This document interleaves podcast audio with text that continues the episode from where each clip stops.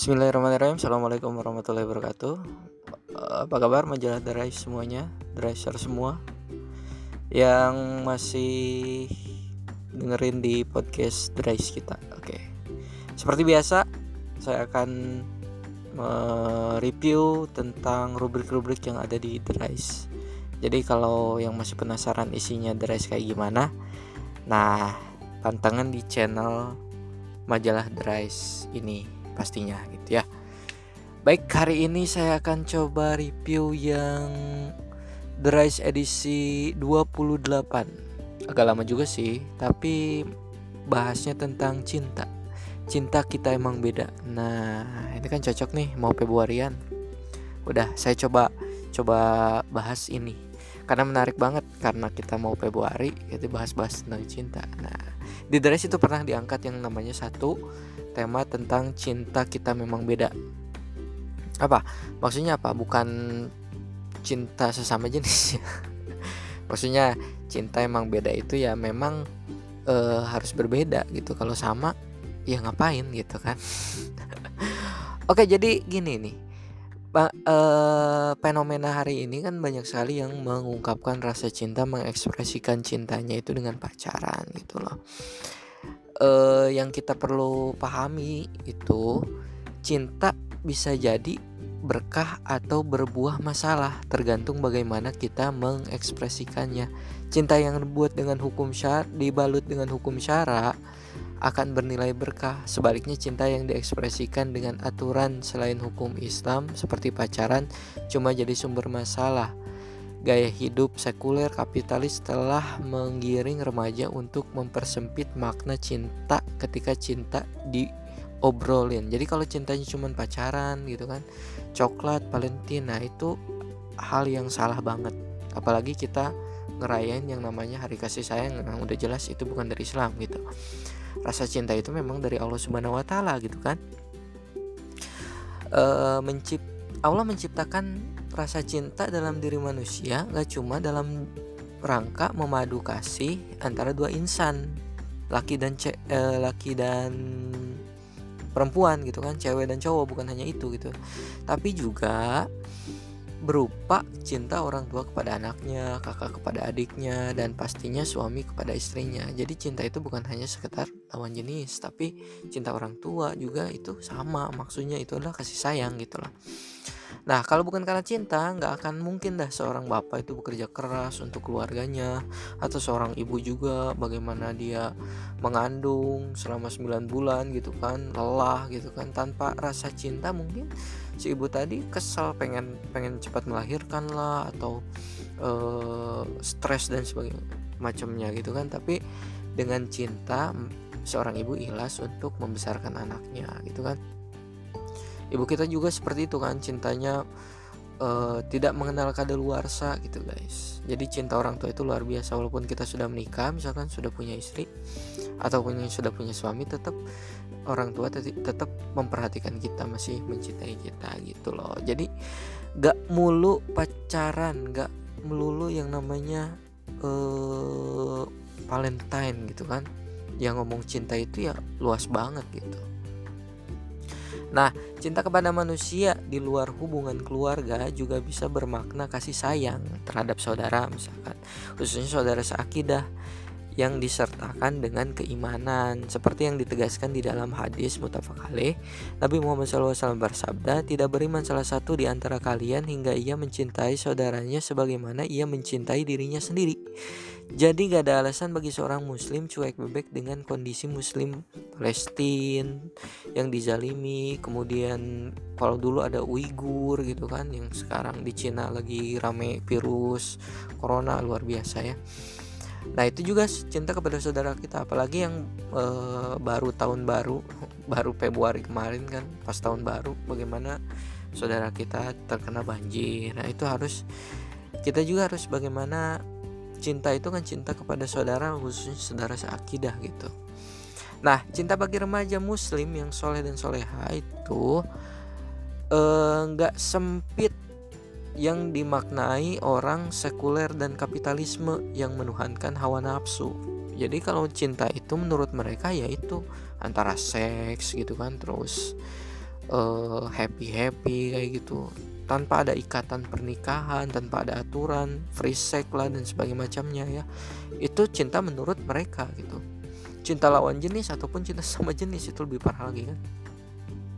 Nah, cinta terhadap saudara seakidah semua dibalut dalam ikatan cinta kepada Allah Subhanahu wa taala sehingga tetap terjaga kemuliaannya, baik rasa cintanya maupun uh, maupun uh, rasa sayangnya gitu. Jadi bukan hanya sekedar mencintai tetapi karena Allah Subhanahu wa taala. Nah, kalau cinta itu boleh diprioritaskan, maka cinta itu prioritasnya siapa? Nah, karena cinta dalam Islam seluas samudra seperti kita tahu tadi, kita mesti belajar menentukan skala prioritas. Cinta memilah dan memilih mana yang pertama dan mana yang berikutnya. Biar ekspresi cinta kita nggak salah kaprah terus jadi masalah. Gitu. Maksudnya gimana? Maksudnya eh, prioritas pertama itu ya diutamakan itu ya cinta kita berikan kepada yang Maha Esa gitu. Karena apa? Kepada Allah Subhanahu wa taala. Karena apa? Karena Allah yang menciptakan cinta itu. Allah yang menciptakan kita. Allah yang menciptakan Allah yang memberikan nikmat gitu. Karena siapa yang lebih pantas lagi ke, kecuali Allah Subhanahu wa taala syukur saja alhamdulillahirabbil alamin. Itu kan segala puji hanya milik Allah apalagi cinta gitu. Cinta juga harus nah, tapi cintanya bukan hanya sebagai uh, lip service alias formalitas saja ya. Uh, yang dipakai untuk mengisi timeline sosial media gitu kan. Untuk meraih banyak followers atau menampung banjil jempol supaya disukai like-nya gitu kan mau puitis-puitis kepada Allah gitu cinta pada padahal dia uh, kesehariannya enggak nah Nah Allah taala sudah menunjukkan caranya bagaimana di dalam Al-Qur'an bagaimana kita mencintai Allah taala. Katakanlah jika kamu benar-benar jika kamu benar-benar mencintai Allah, ikutilah aku. Rasulullah. Niscaya Allah akan mengasihi dan mengampuni dosa-dosamu. Allah Maha Pengampun lagi Maha Penyayang. Quran surat Al Imran ayat 31. Jika kamu mencintai Allah, maka ikutilah Rasulullah karena itu contohnya gitu kan. Nah, Ibnu Kasir rahimahullah berkenaan tentang ayat di atas berkata ayat ini menghakimi orang yang mengaku mencintai Allah setiap orang yang mengaku mencintai Allah tetapi tidak atas jalan Nabi Muhammad SAW maka dia telah dusta dengan pengakuannya sampai mereka mengikuti Nabi Muhammad dan agama Nabawi adalah semua perkataan dan keadaannya jadi sampai uh, dia beragama Islam dan juga mengikuti Nabi Muhammad. Kalau dia mengikuti dari lain Nabi Muhammad itu udah pasti cintanya palsu gitu.